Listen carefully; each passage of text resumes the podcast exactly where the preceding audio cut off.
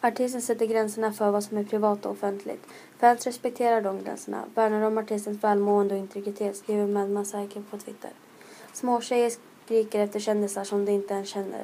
De har läst om dem i media, med journalister som kan skriva nästan till vad som helst i tidningarna, vilket känns riktigt patetiskt. Jag menar, vad händer med att alla är lika mycket värda? Jo visst, jag kan hålla med om att de lever ett sjukt intressant liv, mer än lite space för fan. Flera kändisar har gått in i väggen och den informationen kan vi köpa på papper. Kändisar är egentligen precis som vi, förutom att allt de gör publicerar på nätet, eller i tidningar. Vad den gör så har det hela världen med sig.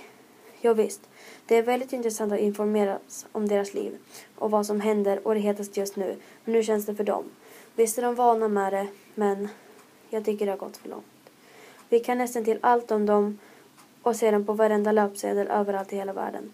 Vi kan ta Justin Bieber som ett exempel.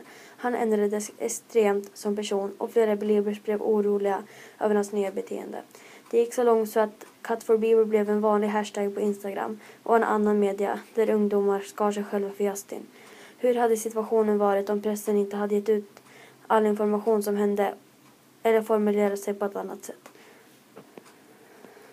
Låt istället kändisarna vara i fred. Gilla deras musik, intressera dig för deras fritid, men låt det inte gå så långt att du blir en del av deras liv. Vi hade nog inte haft detta behov om inte pressen varit lika flitiga som det är idag. Mycket tar de reda på, men inte allt.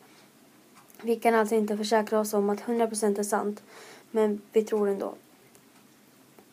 Jag tror inte Miley Cyrus-skandalen hade varit lika stor om pressen visat hennes bra sidor också. Hon har ändrat personlighet helt, men är ändå samma person som för två år sedan. Det här är ett exempel på hur mycket pressen faktiskt ändrar våra åsikter. Om vi fått sett Miley när hon inte knarkar, twerkar eller hungrar en massa brudar tror jag din åsikt hade varit blankare. Jag tror vi själva skulle tjäna på att sätta stopp för oss själva ibland. Jag kanske... Och kanske inte lägga näsan i blöt lika mycket. Cut for bibelskandalen hade inte varit lika stor om pressen hejdar sig och om vi inte sökte upp information från varenda tidning i affären eller sida på nätet som lika gärna skulle kunna börja skriva femåringar själva. Så jag kan tycka vi har gått för långt. Var självständig och tro inte på allt du läser.